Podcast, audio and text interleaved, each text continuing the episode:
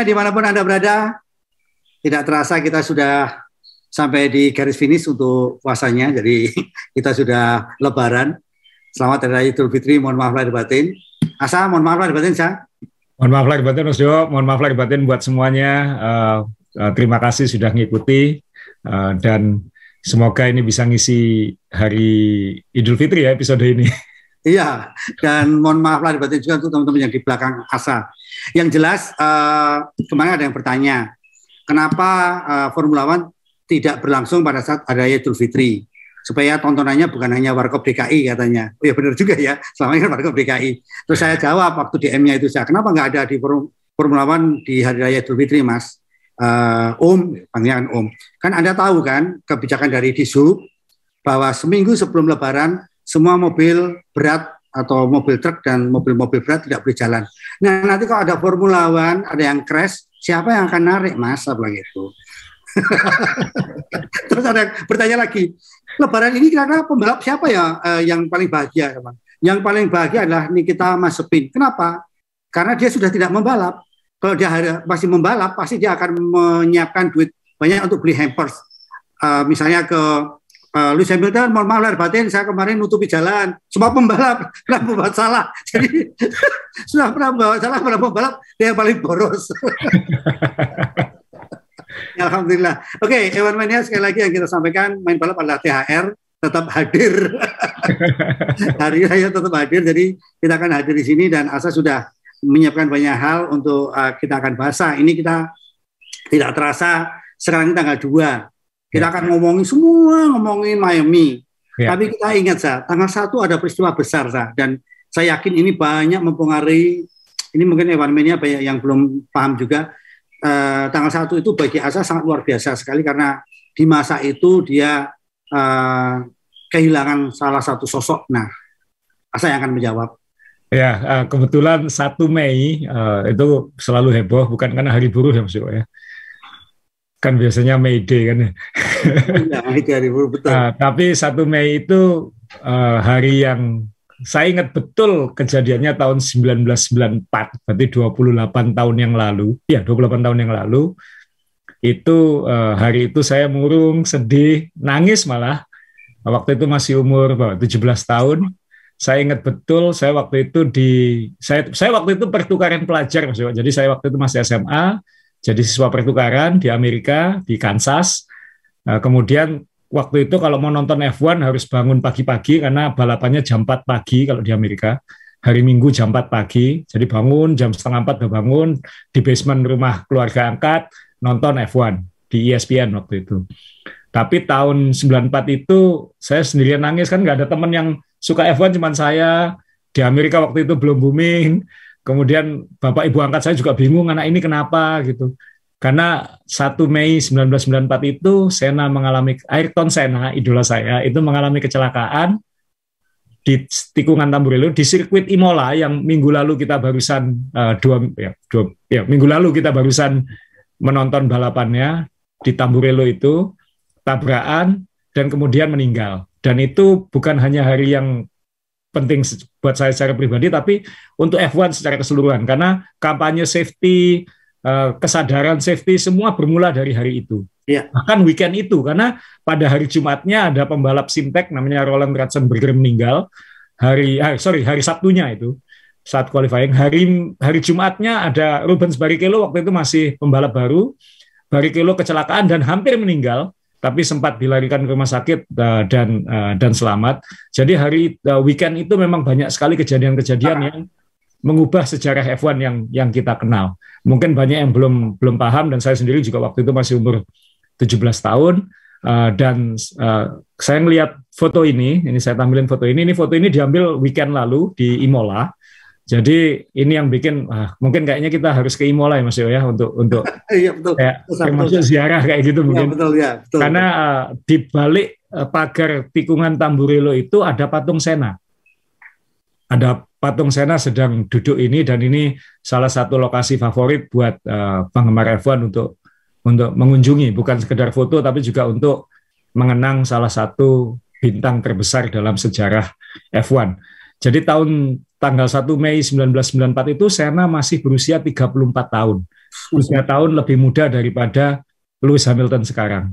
Jadi bayangkan seandainya Sena waktu itu tidak hilang di puncak karirnya, mungkin dia jadi juara dunia lebih dari tiga kali. Nah, itu nanti saya cerita apa yang terjadi pada Sena karena mungkin banyak yang belum tahu dan saya ingin menceritakan uh, uh, Mas Dewo waktu itu sudah kenal F1 atau belum kenal F1? Belum. Belum. Saya, ini kan 94 ya saya. Eh, ya. 94 ya, 94. Oh, 94. Rasanya belum sih karena memang saya kenal F1 itu secara resmi 99 ketika dipaksa jadi MC di nonton bareng. Nah, itu saya baru kenal. Tapi saya banyak eh, saya kurang tahu ya. Asal lulus tahun 99. 2000, ya, 99 itu masuk. Saya lulus ya, tahun jadi, Ya, karena saya sudah ngikutin tulisannya Asa jadi ada kejadian menarik waktu Asa uh, wisuda juga yang berkaitan dengan Sena itu, Sa. Ya. Jadi ya, eh, saya tampilin fotonya aja Mas Yo ya. Jadi ya. semua yang tentang Sena itu itu hidup saya intinya berkisar kepada Sena lah. Uh, uh, tempat tinggal saya saya cat helmnya Sena. Uh, kemudian saya punya banyak koleksi yang terkait Sena. Termasuk ini hari ini saya mohon izin. ini ini koleksi baju saya yang paling mahal. Uh, ini kemeja mekanik asli Williams Renault tahun 94 yang uh, Sena uh, Sena pergi kan tahun 94 jadi ini ya. baju mekanik asli waktu itu baju mekanik kan masih kemeja kemudian bordir semua uh, jadi ini asli bekas uh, mekanik, mekanik. Uh, dan ini usianya sudah 28 tahun dan kebesaran kelihatan semua ini kebesaran uh, tapi ini ini saya simpan selalu karena ini tahun itu Sena meninggal untuk tim ini kayak gitu. jadi ini koleksi saya yang paling berharga untuk urusan baju. Saya punya koleksi baju mekanik asli ada ada ya lumayan banyak, tapi ini yang yang paling berharga dan uh, saya bahkan mungkin sejak tahun 94 itu, saya, sejak saya umur 17 tahun, saya mungkin sudah punya nazar ya kalau saya punya anak laki-laki namanya Ayrton Ayrton. Ayrton. Jadi anak pertama saya uh, lahir tahun 2008 namanya Ayrton Seninya Ananda. Karena Ayrton. Jadi segalanya adalah Ayrton buat saya kayak gitu. Bahkan waktu saya wisuda Uh, ini foto lama saya wisuda, ini tahun 99. Uh, eh, ini orang tua saya sebelah kiri, orang tua angkat saya yang di Kansas itu di sebelah kanan dan ada teman saya. Kalau Anda lihat topi wisuda saya itu, topi papan itu, uh, kalau yang lain hitam polos, saya pakai warna helmnya Sena. Dan itu orang Amerika nggak ada yang paham. Kenapa kamu warnai kayak gitu ya? Saya bilang ini idola saya kayak gitu aja. Toh percuma saya ceritakan mereka juga nggak kenal siapa itu Sena kayak gitu. Tapi saking senanya saya Mas Yo. Jadi waktu saya wisuda kuliah pun topi wisuda saya saya corak uh, helm Ayrton Senna. Jadi kuning dengan uh, strip hijau dan biru. Ya, ini kan. ya, seperti itu. Sehingga ya, ya. jadi Senna adalah uh, ya termasuk slogannya yang saya paling suka itu kan driven to perfection. Jadi harus selalu mengejar kesempurnaan dengan segala cara meskipun belum tentu tercapai. Jadi Nah ini orang yang yang setiap orang pasti punya idola, idola utama saya Ayrton Senna. Nah itu saya nggak tahu lagi nama anak sudah Ayrton. Uh, ternyata kan Ananda Mikola anaknya namanya juga Ayrton, jadi ternyata sama-sama penggemar. Penggemar juga ya. Karena, uh, sehingga uh, ya mungkin nggak nggak banyak orang uh, yang seperti itu. Tapi impact tahun 94 itu yang yang uh, saya rasakan sendirian di basement keluarga angkat di Kansas nonton kejadian itu malah orang tua angkat saya bilang e, saya beberapa hari ke depannya itu kok di sekolah itu kok diem murung kayak gitu ya karena saya nggak bisa sharing ke siapa-siapa nggak ada yang kenal saya siapa nggak kenal F1 nah, iya. Gitu. jadi uh, mungkin banyak juga yang tanya kejadiannya seperti apa sih waktu itu uh, kejadiannya pun sebenarnya sangat sangat simbolis ya Mas ya karena uh, waktu itu benar-benar peralihan generasi gitu mungkin seperti tahun lalu peralihan dari Hamilton ke Verstappen gitu ya. itu peralihan dari Senna ke Schumacher kan waktu itu. Nah ini uh, ada foto lab sebelum kejadian itu ini uh, track lurusnya Imola. Ayrton Senna pole position waktu itu memimpin di depannya uh, Michael Schumacher naik Benetton, uh, Benetton Ford. Dan ini Senna under pressure untuk menang. Kenapa? Karena dia uh, beberapa lomba sebelumnya di awal musim gagal finish. Uh, dia melintir di uh, Brazil saat di urutan kedua ngejar Schumacher, dia out di tikungan di lap pertama di AIDA Pacific Grand Prix waktu itu, sehingga dia under pressure untuk menang. harus menang di Imola karena kalau enggak ya. dia itu unggulan utama juara dunia di era baru regulasi di mana mobil nggak boleh lagi pakai elektronik macam-macam dan mobil timnya kecolongan dari uh, Benetton dan dia luar biasanya lomba-lomba awal itu semuanya dia pole position karena dia kan memang master kualifikasi ya jadi dia pole position dan dia berjuang habis-habisan di depannya uh, Schumacher waktu itu dan kemudian uh, hasil investigasinya adalah setirnya patah emang. Jadi uh, setirnya patah sehingga dia kehilangan kontrol.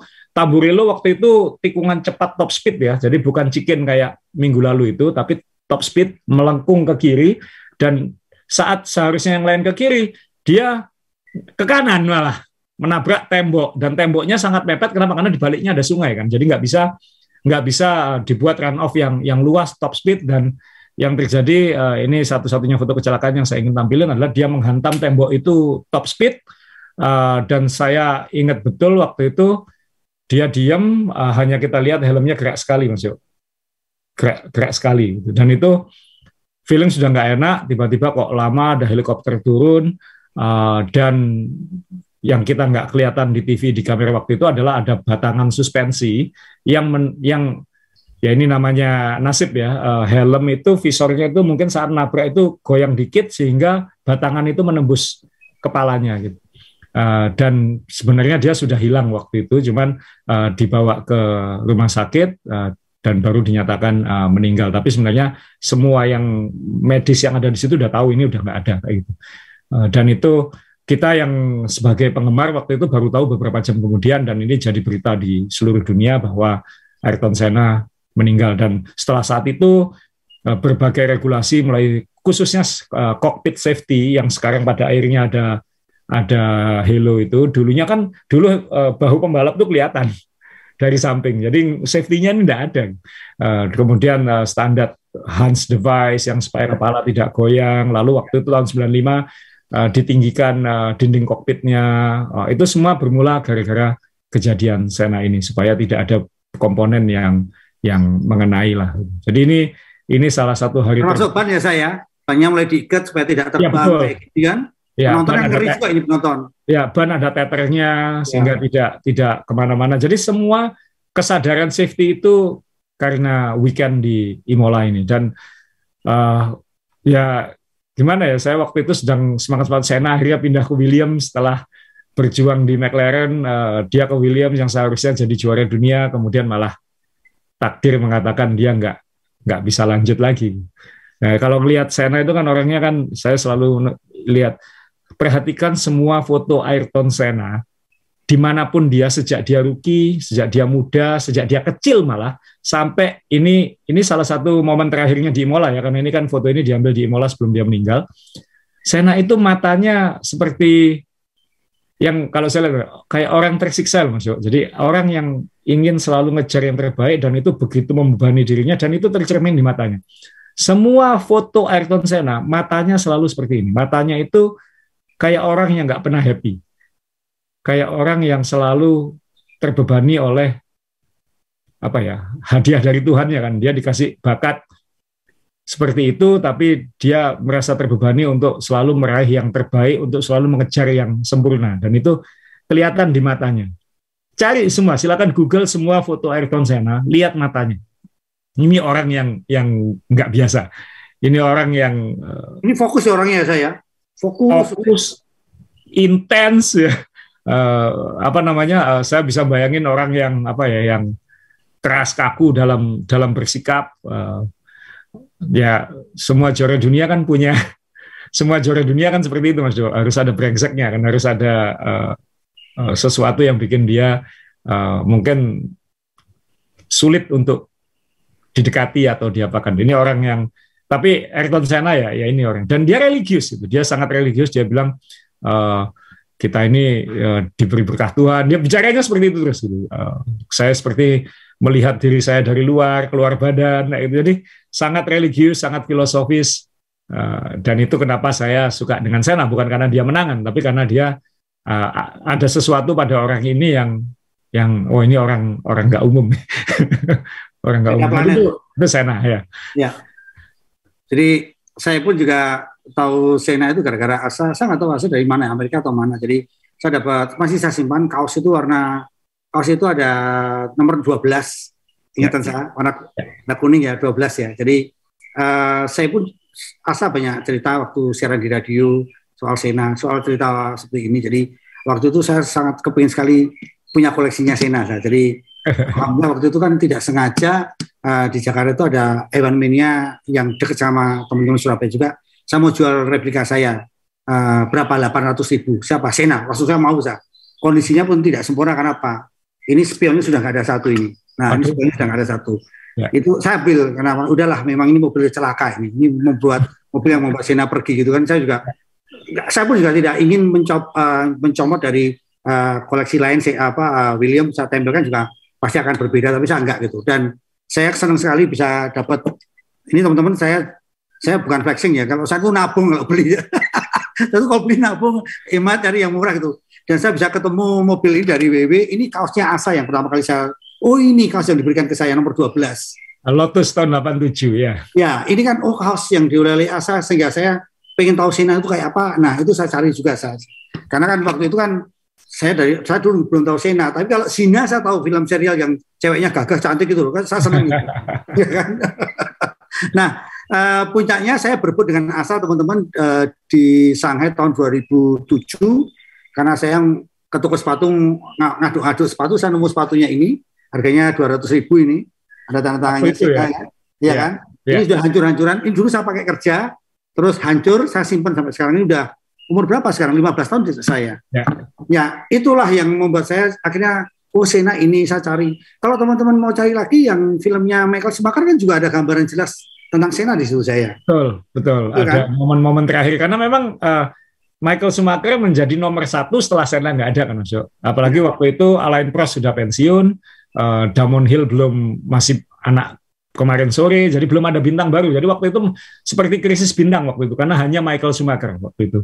Ya. Karena Nigel Mansell sudah di IndyCar, uh, Senna meninggal, Prost pensiun, uh, Patresi sudah nggak sudah nggak ada. Jadi uh, benar-benar tiba-tiba kena generasi baru. Ya mungkin yang sekarang dialami F1 ya. Sekarang ada satu angkatan yang luar biasa ya, Verstappen, Norris, Russell, uh, Leclerc, uh, Sainz. Ini kan satu angkatan. Uh, kemudian yang angkatannya Hamilton kan tinggal dia dan Alonso praktis. Iya. Itu. Nah ini waktu itu seperti itu, tapi tiba-tiba hilang gitu. Tiba-tiba tinggal Schumacher. Jadi apa yang terjadi kalau tiba-tiba tinggal Verstappen? Kira-kira seperti itu. Nah tapi waktu itu soul searching semua F1 dan ya F1 jadi booming juga ya setelah karena berita Sena meninggal itu apa pun memberi perhatian kepada F1 dari orang-orang yang sama sekali nggak tahu F1. Jadi karena semua halaman satu koran waktu itu semua headline berita-berita di TV adalah Ayrton Senna meninggal. Ya. Itu akhirnya perhatian, uh ternyata F1 itu berbahaya. Jadi orang jadi tertarik pada F1. Ah, dan sampai hari ini kalau Anda ke sirkuit, moga-moga kayaknya saya kayaknya sampai hari ini ya kalau kita ke toko-toko merchandise F1 atau ke mana itu merchandise Senna ini tetap salah satu yang yang paling populer dan memang di maintain sama keluarganya ya. Uh, ada uh, yayasan Ayrton Senna itu, Ayrton Senna Foundation yang terus menjaga nama Senna ini untuk terus ada supaya hasil penjualan merchandise itu disumbangkan untuk anak-anak uh, anak-anak yang membutuhkan di di Brasil karena misinya dia kan untuk anak-anak di Brasil. Ayrton Senna ini kan lahir dari keluarga kaya, uh, jadi dia tuh uh, nggak pernah susah hidupnya kan. Uh, tapi dia mendedikasikan kenapa dia salah satu pahlawan uh, Brasil karena dia mendedikasikan untuk untuk Brasil. Jadi saking terkenal di sana masuk. Saya ingat waktu uh, liburan keluarga waktu itu ke Portugal Waktu itu landingnya ke Eropa tapi ke Portugal.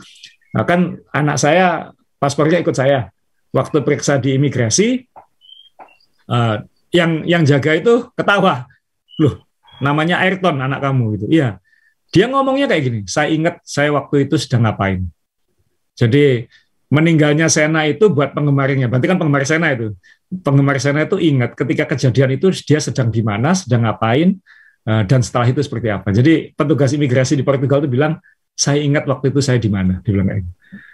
Jadi nama Ayrton itu ada magicnya gitu. Ada betul nggak? ya, kita kita ingat kan di Evan Mania Surabaya itu ada Mr. Yos yang orang Belgia yang kawin dengan uh, Mbak siapa yang uh, dari sidoarjo itu kan ya. dia cerita juga sa.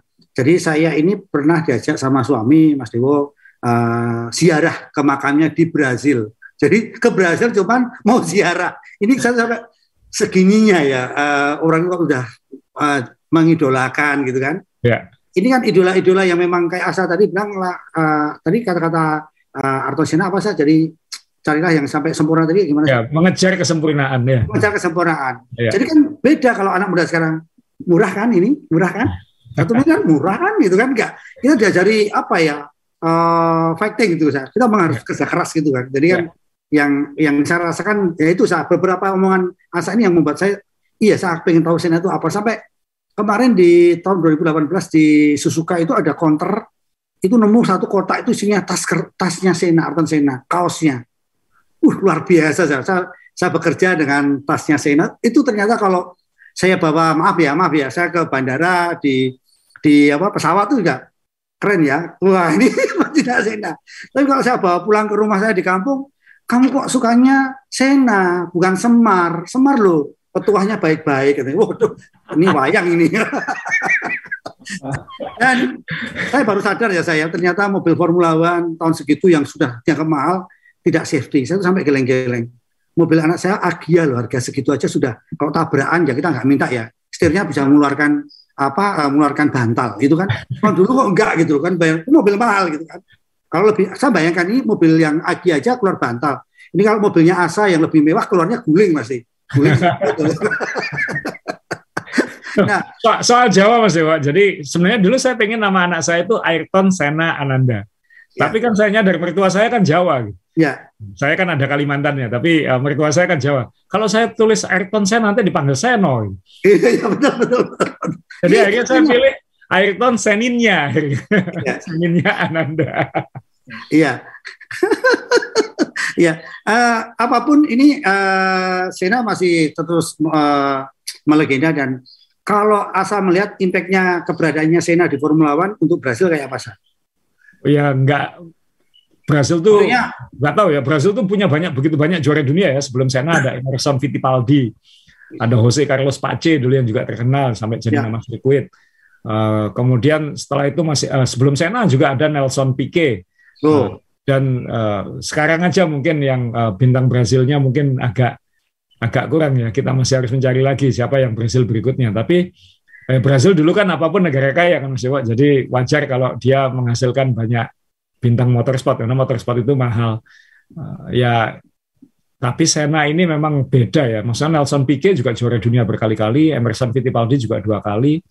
Tapi ketika Sena yang meninggal itu benar-benar kan kalau kita lihat dokumenter Sena yang menang penghargaan Cannes itu kan uh, luar biasa ya. Maksudnya ini ini pahlawan nasional, ini bukan sekedar pembalap gitu. Karena apa yang uh, apa ya, ya orangnya ini uh, karismatik banget gitu Mas. Ini ya kayak membius kayak orang yang ini bukan manusia biasa gitu orang saya nggak pernah ketemu Sena ya itu mungkin karena saya waktu itu masih terlalu kecil uh, sehingga yang saya nyesal sekarang nggak bisa punya koleksi tanda tangan Sena gitu karena harganya sudah terlalu ajaib dan nyarinya aja susah.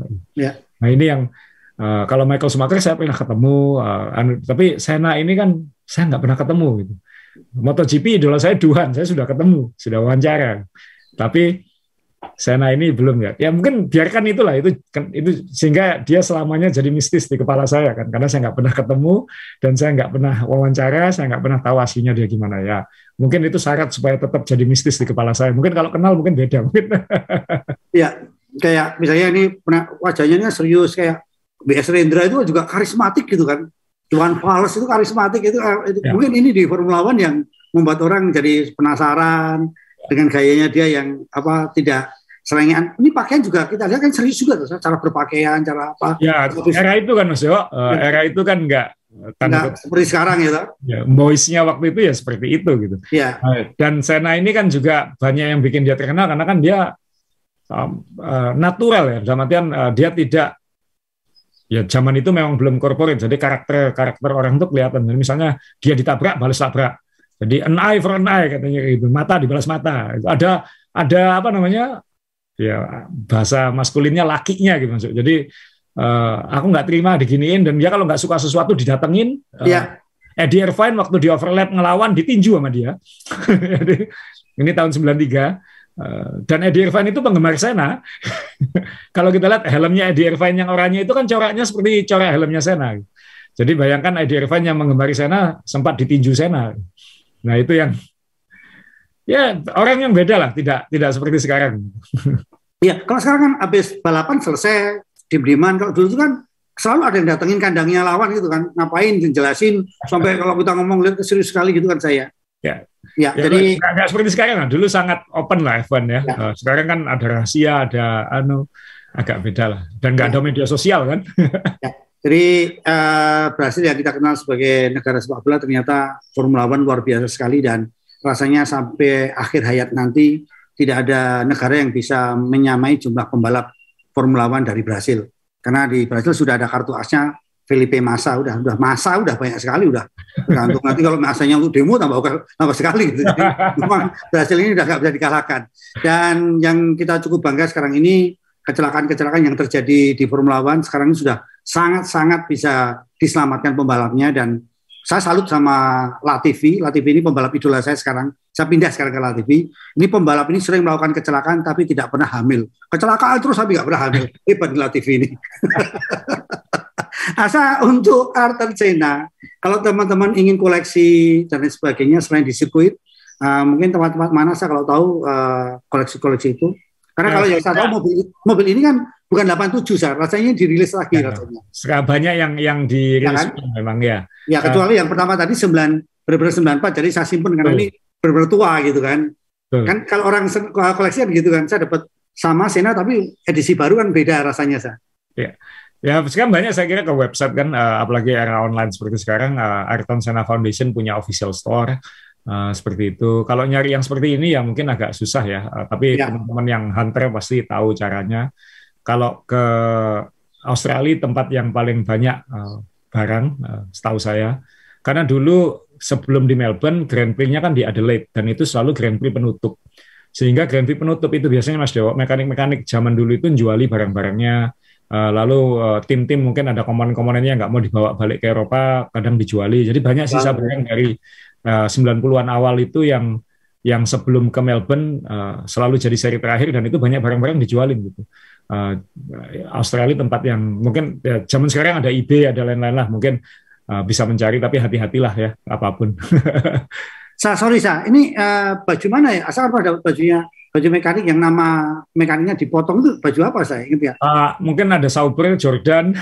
Ya uh, itu namanya pada di dipotong ya. Kadang-kadang uh, di kantong namanya dan itu biasanya digunting supaya nggak ketahuan siapa yang jual kadang-kadang gitu. Atau kadang-kadang namanya di border di belakang itu juga dibolongi supaya nggak ketahuan siapa yang jual. Uh, ini kebetulan nggak ada namanya uh, waktu itu tapi ini ini asli uh, border asli semua bekas tahun 94 ada bekas olinya juga di bawah sini. nah, Evan Mania, eh, ini asiknya kalau kita memang sudah senang sesuatu. Saya pun yang kasual berusaha untuk eh, memenuhi. Jadi tidak ada salahnya ngobrol dengan kayak Asa. Kalau saya dulu di Surabaya ngobrol dengan Asa atau WW. WW ini kan memang sampai saat ini bisnisnya replika ya. Jadi kalau saya dengan duit sedikit itu saya tanya, apa yang harus saya koleksi? Apa yang saya akan koleksi? Kayak kemarin pun saya juga tanya misalnya, uh, saya pengen khas. Nggak usah khas dulu mas. Sudah punya Lewis Hamilton nggak? Gitu kan oh perlu Lewis Hamilton kan tujuh kali harus kita simpan gitu. Red Bull aja saya Vettel baru dapat satu empat tiga gitu kan. Max Verstappen saya kejar karena apa? Ya karena ini ini ini penantang punya sejarah yang yang hmm. luar biasa kan saya uh, karena Dia juara dunia pertamanya. Ya, ya seperti itu kan. Jadi uh, sebenarnya kalau kita ngomongin Formula One ya begini nih asiknya. Dengan duit segini saya dapatnya apa, dari apa. Terus sekarang kalau kita ngomongin Mercedes kan juga mereknya macam-macam ya saya. Yang detail itu merek apa, yang iya. simpel ya. merek apa kan gitu kan saya. Saya sudah nggak punya waktu untuk detail ngikuti itu lagi, tapi dengan popularitas F1 secara global sekarang ini Mas Dewo, ya. barang-barang yang langka-langka itu value-nya sedang bagus-bagus ya ini. sedang ya, bagus. Iya, ya, ya, betul saya. Dan kita baru sadar ya, ternyata F1 uh, banding 18 yang zaman dulu dengan sekarang jauh beda. Sekarang lebih gede, karena mobilnya tambah gede kan. Iya, uh, lebih ya, kan? Baru sadar kan? Iya, baru sadar. Kok gede banget ya? Dan ya, itu kan? nanti termasuk nanti kita ngomong regulasi 2026 yang dirancang karena salah satu mandatnya FIA adalah bikin mobilnya lebih kecil lagi. Oh. Karena mobil sekarang terlalu besar sehingga banyak sirkuit yang uh, akhirnya kesulitan termasuk masalah sulit menyalip, sulit menyalip, kemudian uh, masalah sustainability, masalah ramah lingkungan kalau terlalu banyak, terlalu besar berarti terlalu banyak memakan komponen dan lain-lain seperti itulah. Nanti tapi nanti kita bahas ketika itu sudah jadi. Satu lagi ya sebelum kita bahas uh, yang lain sah. Uh, ya. William waktu itu kondisi bagaimana dan siapa yang dibalik mobil William yang yang konon katanya William tuh cuek ya soal harga pembalap tuh nggak ngikutin harga pembalap bandrol segini kalau mau tapi dia nyiapin mobil yang yang selalu bagus katanya begitu. Kalau asal ngomong waktu itu kan saya tangkap seperti itu. Mobil itu didesain oleh Adrian Nui, Mas. Sena meninggal di atas mobil di dalam mobil yang dibuat oleh Adrian Nui. Uh, Gimana perasaan Adrian Nui ya saya? Ya Adrian Nui termasuk yang paling ekstrim dalam desain uh, kokpit kecil semuanya dia berani bikin ekstrim waktu itu sampai sekarang uh, dan ya catatan mungkin salah satu catatan paling sedih dia adalah Ayrton Senna meninggal naik mobil yang dia desain. itu aja. Dan kenapa William selalu konsisten waktu itu? Jawabannya juga satu, Adrian Nui. Kemudian Adrian Nui pindah ke McLaren tahun 97 ya 97 98. Kemudian McLaren mobilnya mobilnya terbaik. Kemudian Adrian Nui pindah ke Red Bull dan membantu Red Bull bikin mobil-mobil yang terbaik. Jadi apa jawabannya? Adrian Nui sejak tahun 90-an sampai sekarang pembalap juara dunianya siapa saja, timnya boleh nama apa saja, tapi variabel yang paling konstan dalam mobil paling kompetitif di F1 adalah Adrian Nui. Dan itu berubah kalau tidak salah Red Bull kan berubah dari dari uh, uh, apa mobil hijau itu apa sih? Uh, Red Bull itu dulu Jaguar ya. Jaguar, Jaguar kan, itu ya. dulunya adalah uh, harusnya Stewart ya. ya. Stewart Jaguar uh, Red Bull uh, oh bukan nggak salah ini. Iya iya ya. ya Jaguar uh, Red Bull ya. Jadi waktu itu kan karena gara-gara simbol karena Jaguar binatang sulit ditaklukkan ganti sapi aja. Ternyata penurut bisa menang terus gitu kan. Sa ada tambahan lagi untuk Arten Sena Uh, sejauh ini ya cukup Mas Dewa. Uh, masih ada satu Mei satu Mei berikutnya. Siapa tahu nanti ada momen-momen lebih istimewa. Kebetulan yang agak uh, ramai kan beberapa tahun lalu waktu 25 tahun meninggalnya Sena itu ada acara di Interlagos dan lain-lain. Uh, tapi ya ini tadi kayaknya saya belum pernah ke patung Sena itu yang di Imola dan saya belum sempat ziarah ke San Paulo gitu. Karena selalu nggak nggak sempat. Pengen sekali. Saya punya uh, waktu saya di media ada tim saya ya wartawan saya yang ke San Paulo mampir ke sana. Malah kamu yang sudah ke sana saya belum. Ya mungkin nanti kita bikin ziarah sana masuk sambil nonton. Menarik ya. Menarik juga ya. Jadi teman-teman kalau mengingat-ingat hari meninggalnya Sena ingat-ingat ya. Uh, satu hari uh, satu hari sebelum Lebaran. Itu ingat-ingat aja lah. Satu hari sebelum Lebaran. Tapi Lebarannya beda-beda nanti ya tanggalnya ya. Oke, sekarang kita ke sirkuitnya Mak-Mak. Miami. Oh, oh Miami. Miami, Miami. Jadi ini sudah sirkuit yang sudah uh, luar biasa jadi omongan. Asa tadi setuju kalau Asa 94 Asa tidak punya teman di Amerika karena orang Amerika tidak kenal Formula One, balapan masih berlangsung jam 4 pagi. Ya. Kemudian juga tahun 2012 kita ditanya imigrasi, kamu mau, ke, mau kamu ke Amerika mau ngapain nonton Formula One? Apa itu Formula One? Juga kita bingung. Kalau mau kita jelasi, EFSA malah tahu mungkin karena itu K-popnya eh, Korea yang lagi ngetop waktu itu. Kalau Taiwan maksudnya. Taiwan maksudnya. Oh Taiwan ya, Taiwan. Jadi uh, K-popnya Taiwan yang setelah pensiun jualan boba itu kan.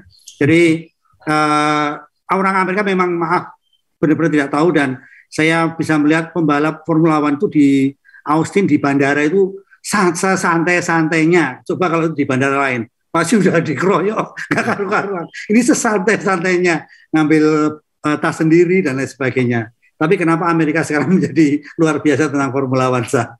Ya itulah, uh, tentunya Netflix Drive to Survive termasuk salah satu faktor. Uh, selain itu juga banyak pembalap muda F1 ini kan sangat aktif di media sosial dan harus diakui F1 sekarang milik Amerika secara komersial. Jadi wajar kalau uh, dari dulu kan mimpinya F1, termasuk zaman uh, Bernie Ecclestone kan bagaimana kita menembus pasar Amerika karena ini pasar mobil nomor satu dunia waktu itu. Uh, yeah.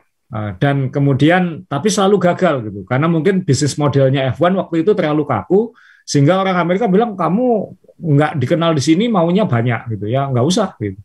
Nah mungkin pemilik baru F1 ini lebih luas, lebih fleksibel, termasuk balapan ini yang di Miami ini dan yang di Las Vegas tahun depan itu kan di IO sendiri sama F1 maksud. Jadi ya. mungkin kalau yang dulu mungkin uh, siapa membayari kita untuk bikin F1 kayak gitu. Sekarang enggak lah kita garap sendiri aja. Dan ternyata balapan di Austin uh, booming uh, dan tahun depan ada tiga balapan F1 di Amerika.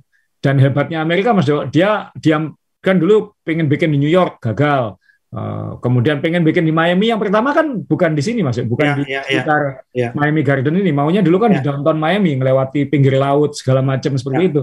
Tapi kan karena izin-izinnya susah segala macam, akhirnya diputuskan ya udahlah parkirannya stadion ini aja. Gitu. Jadi ini namanya Hard Rock Stadium. Jadi kalau anda pernah ke Amerika ke Miami, naik naik mobil melewati jalan tol pasti melewati stadion ini di pinggir di pinggir uh, ini di pinggir tol nanti. Jadi nanti masuk mobil F1 melewati pinggir tol nanti termasuk kalau nggak ya. salah salah satu jalan uh, sirkuit itu nanti melintasi bawahnya jembatan tol kayak gitu. Ya bukan tol highway ya istilahnya. Nah saya sih lewat dua kali mungkin melewati stadion ini. Saya belum pernah ke stadion ini tapi dua tahun yang lalu tim American football favorit saya Kansas City Chiefs juara Super Bowl di sini. Uh, sehingga ini salah satu stadion yang paling populer memang di Amerika karena di, sering dipakai untuk Super Bowl. Super Bowl itu event olahraga terbesar di Amerika uh, finalnya American football dan parkir dan di Amerika semuanya pasti luas Mas Dewa ya, pasti luas, parkir pasti sangat besar. Dan ini komplek olahraga kalau Anda lihat foto ini ini foto sebelum ada sirkuitnya, ah, kawasan ini begitu luas sehingga ya udah kita bikin di sekitar parkiran ini aja.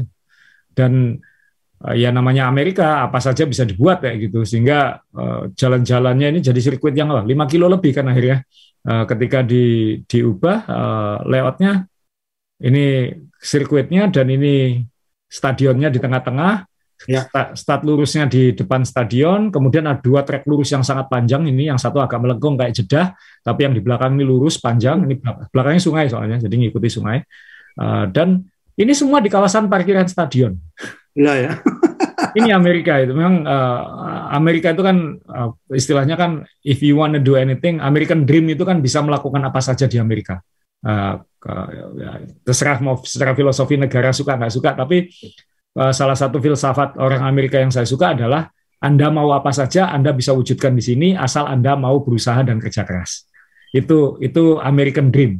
Itu diajarkan di di sekolah mulai dari sejak kecil sampai dia lulus kuliah adalah diajarkan yang namanya konsep American Dream bahwa di negara ini siapa saja bisa melakukan apa saja, bisa membuat apa saja, bisa menjadi sukses sebisa sebesar mungkin asalkan mau bekerja keras dan berusaha. Itu um, filosofi American Dream yang yang mungkin kenapa orang Amerika itu sangat driven, sangat ingin uh, berkembang dan persaingannya begitu keras ya karena ada filsafat itu yang diajarkan sejak kecil.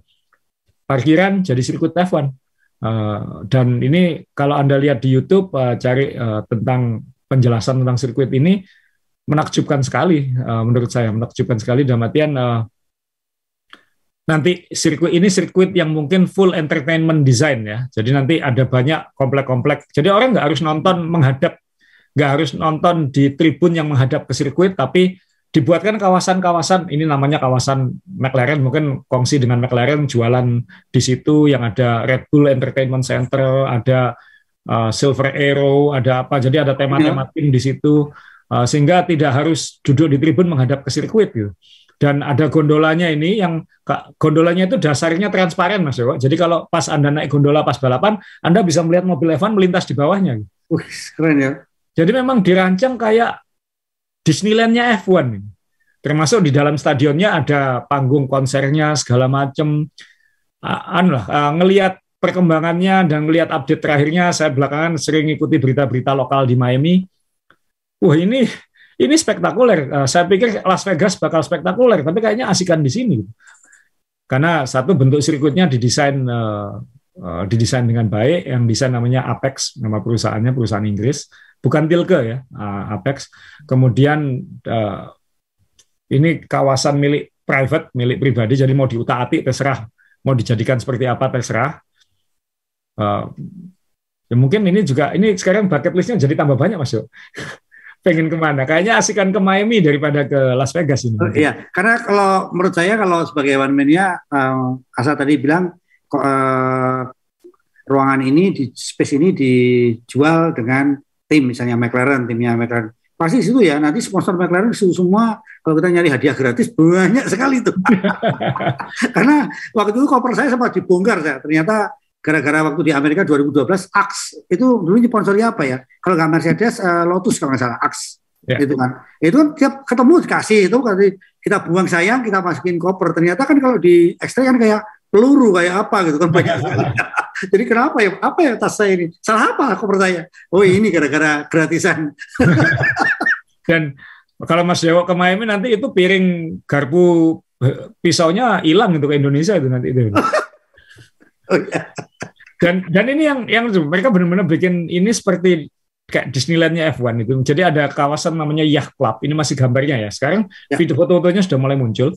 Jadi dibuatkan danau buatan di salah satu hairpinnya ini.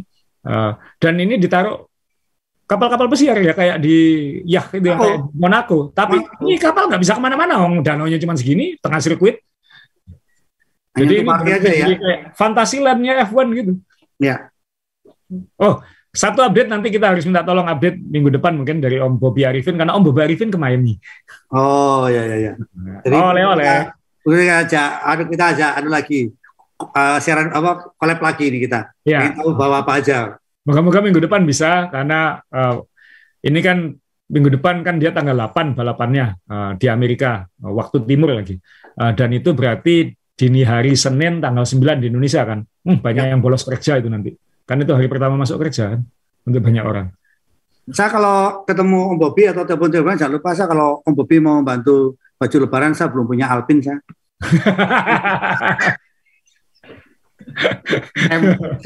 kan kemarin lalu dapat Alpin Mas Dewo medium. Iya, kan kemarin Max kan. Om Bobi kalau nonton terima kasih. Om Bobi sehat terus, panjang umur, bahagia, rezeki mengalir. Amin amin amin. Ojo lali, ojo lali. Ya. Ojo lali. ya, ini ini sirkuitnya Mas Jawa hingga uh, ya kayaknya kita akan dapat tontonan yang menarik lah nanti uh, minggu depan uh, Senin dini hari jam 3 pagi kalau nggak salah. Ya nggak apa-apa lah sekalian bangun. Uh, siapa tahu ada yang mau apa uh, sahur apa? Uh, puasa puasa kan ada puasa lagi setelah ya, ya. puasanya atau apa? Ya, puasa lagi ada. Sa pertanyaan sa kalau uh, dari sirkuit sudah Cukup atau asal ada tambahan? So, cukup, uh, cukup. Okay, saya pengen tahu, Sa. Kembali ke layout lagi, Sa. Ya. Nah, siapakah yang cocok di sini? Nah ini nggak berani ngomong sih. Uh, kemarin Imola seharusnya Ferrari, tapi ternyata uh, Red Bull. Uh, kalau ngelihat di sini ada track lu yang di belakang ini aja 1,2 kilo kalau nggak salah. Ini kan sama dengan Shanghai. Iya, panjang sekali dan itu kalau ngelihat tren beberapa lomba ini kan Red Bull ya, uh, top speednya tinggi. Uh, tapi Ferrari mungkin panas, jadi mungkin bawa update juga gitu. Dan ya, sekali lagi kita belum tahu tim mana yang membawa upgrade. Kalau lihat di Mola kemarin, kebanyakan tim upgrade-nya lebih pada ngurangi berat berat mobil ya, termasuk ngurangi catnya. Kenapa mobil McLaren makin hitam, mobilnya Williams makin hitam karena semua uh, tanpa cat supaya lebih ringan. Karena kebanyakan mobil-mobil F1 sekarang hampir semuanya malah itu masih di atas bobot minimum. Nah, katanya Red Bull itu uh, 10 kilo di atas minimum dan di Imola kemarin berhasil menurunkan 4 kilo katanya. Nah ini. Bang apanya sah? Nggak tahu mas Mungkin nanti ada komponen yang diganti karbon fiber, mungkin ada yang uh, ditipisin, ada yang cat menghilangkan cat itu katanya bisa setengah kilo katanya. Nah, ini yang dibuang-buang itu buat dikasih tahu Iwan Mania, kita tuh catnya aja mau nyimpen kok gitu itu. Nah itulah uh, sehingga uh, kita tunggu nanti komponen-komponen apa lagi yang mungkin dipangkas atau dikurangi. Uh, kita lihat mobil Mercedes saja sekarang uh, silvernya berkurang kan, makin banyak hitamnya juga karena mengurangi cat itu juga. Uh, jadi sejauh ini seperti itu, tapi saya kira nanti upgrade yang sebenarnya benar-benar baru bisa kita nilai di Barcelona lah di Spanyol karena karakter sirkuit Barcelona itu lebih cocok untuk menilai semuanya. Trek lurusnya ada, tikungan lambatnya ada, tikungan cepatnya ada sehingga mobil yang cepat di situ yaitu alat ukurnya di Barcelona. Nah, jadi kayak kayak uh, kembali ke masa uji coba kemarin saya, masa oh. uji coba lagi ya ini. Ya. Dan ini lebih ke evaluasi ya, setelah kemarin uji coba kembali lagi itu dievaluasi itu ya. Betul. Nah ini sekarang di Miami ya terus terang kita sulit menjawab gitu. Uh, sekarang kan pendulumnya berbalik mas Orang khawatir sekarang Red Bull akan dominan. Nah, itu sesuatu yang spektakuler dan uh, Red Bull Red Bull punya uh, punya orang ini Mas Yo, Perez, yang sangat populer di Amerika, dia orang Meksiko. Iya. walaupun Miami sebenarnya uh, Latinnya bukan Latin Meksiko ya, ini banyak Latin Kuba dan dan yang dekat ke timur sana. Tapi Texas ya, mungkin Texas ya saya. Kalau Texas dia sangat populer karena Texas ya. berbatasan langsung dengan uh, Meksiko seperti itu. Nah, tapi tetap ada ada Perez gitu. Uh, kan tidak ada pembalap Amerika. Jadi uh, yang paling dekat dengan situ siapa? Perez. Uh, jadi Perez performanya belakangan luar biasa, bahkan mungkin seharusnya menang di Jeddah kan. Siapa tahu dia di sini bisa membalik. Sekali lagi nggak berani ngambil uh, bilang prediksi. Uh, Ferrari uh, ya ini beban untuk Leclerc kalau dia benar-benar ingin jadi juara dunia ya dia harus menunjukkan tidak boleh membuat kesalahan dan tidak boleh nafsu dan harus berpikir panjang kan Jadi jangan gara-gara ngejar satu poin fase slot hilang tujuh poin seperti kemarin. Dia harus mulai belajar menabung dengan baik, nggak boleh cor-coran lagi seperti itu. Asa masih ingat uh, apa yang dilakukan PS waktu di itu uh, kalau kita habis balapan kan di apa namanya saya di uh, uh, FIA kan minta kita untuk timbang badan dan sebagainya dia yang di dinding. Kepalanya dipegang-pegang itu rasanya melas sekali. Ya. iya kan? Melas sekali. Ini kan luar biasa. Tadi saya bilang ngejar satu poin tapi kehilangan tujuh poin tadi ya saya nah itu dia uh, uh, jangan sampai itu terjadi kan gitu. Dan uh, ada permintaan juga uh, karena kan minggu lalu kita lihat mobil sains diangkat itu jadi salah satu foto yang beredar di media sosial kan ini foto lantai. Akhirnya kita melihat lantainya Ferrari. Ya, uh, ya ternyata nggak serumit yang kita bayangkan ya Mas Yo ya uh, meskipun ini di sini sebenarnya banyak uh, strik-striknya banyak apa sirip-sirip di sini yang uh, jadi bagaimana interaksi angin dari depan ke bawah ini terowongannya kan ini kan Mas Yo terowongannya dan ke belakang ternyata tidak sekomplikated yang kita bayangkan tapi saya, saya bisa membayangkan banyak orang Ferrari marah-marah lihat foto ini karena kan akhirnya kelihatan uh, rahasia mereka. Uh, ya ini kita lihat nanti Ferrari bisa bounce back. Saya nggak mau nampilin terlalu lama, takut nanti dimarahin sama Binotto. Uh, ya, loh. Oh ini sa, ini juga banyak yang tanya. Uh, Om Dewa tanya, Indo, Indra Kens itu mau disidang kapan? Kenapa? Lu siapa tahu bosnya Ferrari datang di Indonesia sebagai saksi. Lu itu Binotto mas, beda aku bilang gitu kan. Tanda tangan katanya, beda ini Binotto mas. Aku bilang, kurang baik-baik ini mas. Nah, sa, kembali ke masalah uh, copyright tadi ya. Foto di foto dari bawah kelihatan sekali. Uh, kemudian ini kan juga apa istilahnya kan ini rahasia perusahaan sudah kebongkar tapi kan sekali lagi ternyata teknologi zaman kuno semua dicat hitam bagian belakang mobil Formula One ya tadi Asa bilang tadi sederhana karena apa? Mungkin Asa tidak bisa melihat uh, detailnya karena dicat hitam tadi ya saya. Ya. Iya kan? Banyak dihitamkan supaya nggak kelihatan ya. ya. Ya, karena saya pernah juga membuat posisi semacam ini nyaris seperti ini di Malaysia seperti saya ceritakan tapi kan waktu itu kompetisi belum seperti ini gitu kan. Oh, yang ya. terjadi yang terjadi tahun-tahun dulu teman-teman kalau kita perhatikan tim papan atas itu selalu uh, menutup rahasia dan menutup uh, garasinya saya. Ingat gak Zah? Sekarang udah nggak boleh. Nah, dulu kan dia kan ya, tim ya. papan atas menutup rapat sekali. Ya. Tim-tim yang kayak HRT, tim yang kecil-kecil itu, gurum-gurum itu malah dibuka, musiknya keras, ya enggak? Ya. Santai. Saya membayangkan itu terjadi Mercedes sekarang bisa bisa party. Ya kan? Ya, jadi, kan? sekarang memang sudah nggak boleh uh, sudah nggak boleh tutup-tutup itu karena ada tujuan entertainment. Itu kan sama dengan kamu menghalangi uh, penggemar untuk nonton. Kan bagaimanapun mekanik itu juga bagian dari show uh, ya. tim bagian dari bintangnya F1 uh, ya drive to survive kan maksudnya semua kelihatan di balik layarnya seperti apa Nah ini ini bagian F1 sekarang yang sangat terbuka. Bahkan sekarang kalau kita lihat f1tv.com kan sekarang bisa aja tuh jurnalisnya F1 masuk ke garasi nanyai uh, engineer-nya kan ini apa yang diubah kayak gitu. Oh, dulu mana mau ngasih tahu seperti itu. Sekarang mau nggak mau harus ngasih tahu dan itu bagian dari uh, entertainment kita uh, penggemar F1. Jadi sekarang ya. bayangin saya bicara dengan uh, ayah saya kan yang juga suka F1. Waktu nonton uh, channel F1 uh, di YouTube atau di apa yang menjelaskan teknis saya bilang ini loh, sekarang wartawan F1 sekarang liputannya apa bilang itu. Lu mau diambil sendiri sama F1 sudah. Mau, mau teknis, nah kita nggak bisa masuk, dia boleh masuk. Kita harus cari curi-curi foto, dia malah nunjukkan. Nah, ya ini udah era baru uh, media kan gitu. Makanya sekarang F1 tidak perlu lagi ada hari Kamis kan Mas Karena dulu hari Kamis itu kan hari media supaya ya, mungkin uh, berita hari Jumat dan selanjutnya baik. Sekarang nggak ada lagi hari Kamis semua hari Jumat sudah nggak butuh media pada dasarnya F1. F1 sudah bermedia ya, ya. Lalu hari Kamis itu kalau wartawan uh, di garasi ketemu ada pembalap yang sedang nyoba kokpitnya itu udah anugerah dapat foto ya gitu saya. Betul, ya kan? Ya. ya kan?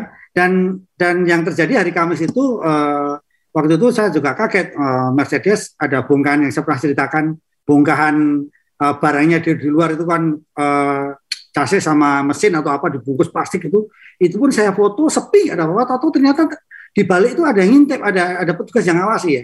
Saya yeah. kaget nggak ada orang sama sekali. Saya foto-foto yeah. atau saya didatengin delete delete delete delete delete tuh. Sampai segininya Formula One.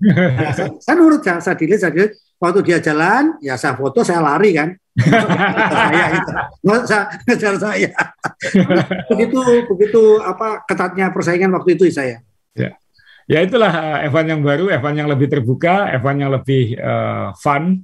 Uh, nah ya kita lihat nanti uh, ini asiknya juga uh, Evan sekarang ya ini asiknya. Ya moga-moga nanti kita bisa segera ke sirkuit Mas Jo dan Mas Jo saya harus ngajak ini sekarang. Entah yang mana Mas Jo mau mau rute ziarah mau rute Amerika mau rute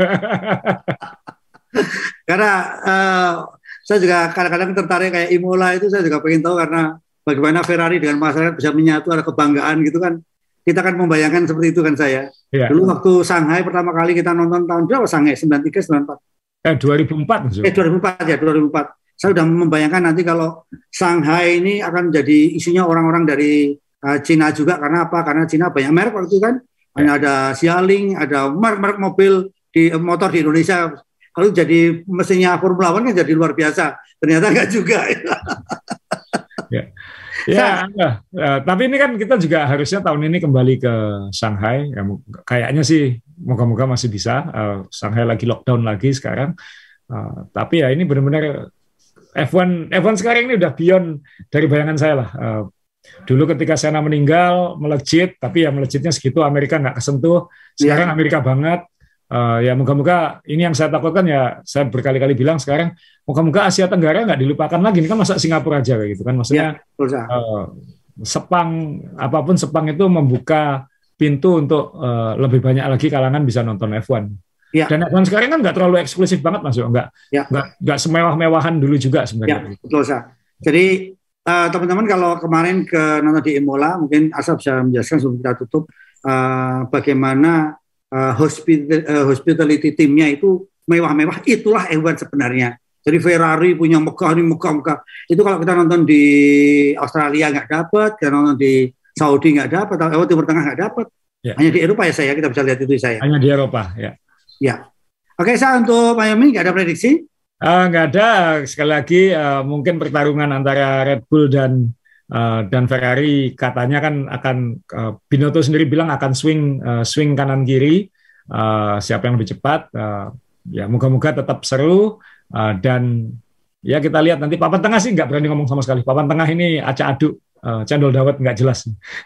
Dan kita lihat Mercedes. Dia agak ke depan atau malah makin terbenam ke belakang? Itu aja Mas Yo. Oke, okay. kalau asal tidak berani prediksi, saya akan prediksi. Teman-teman. Saya udah izin Andre Taulani, prediksi saya adalah Jaya, Jaya, Jaya. komunitasnya pelawak itu, motor pelawak semua itu. Oke, okay, ya. saya uh, ingin sampaikan lagi. Ya, ada, terima kasih. Ya. ya, sekali lagi kita mohon maaf lahir batin ya saya. Ya, Jadi maaf forum, batin. ya, forumnya semakin ramai sekarang. Jadi komentar komentar udah sampai 200 lebih, isinya saling saling apa ya, saling adu argumen dan lain sebagainya. Teman-teman silahkan ini forum kekeluargaan sekali lagi mumpung maaf lahir batin ya jangan lupa kalau habis berantem bawahnya maaf lahir batin ya biar clear. Baik terima kasih Asa sekali lagi. Terima kasih semuanya, selamat berlibur, hati-hati uh, di jalan, hati-hati apa pun keluarga keselamatan nomor satu supaya kita bisa terus um, uh, rame ngomongin F1 ini dan sampai ketemu setelah episode uh, Grand Prix Miami. Oke, baik terima kasih teman-teman sekali lagi selamat Hari Raya Idul Fitri. Mohon maaf lahir batin. Salam.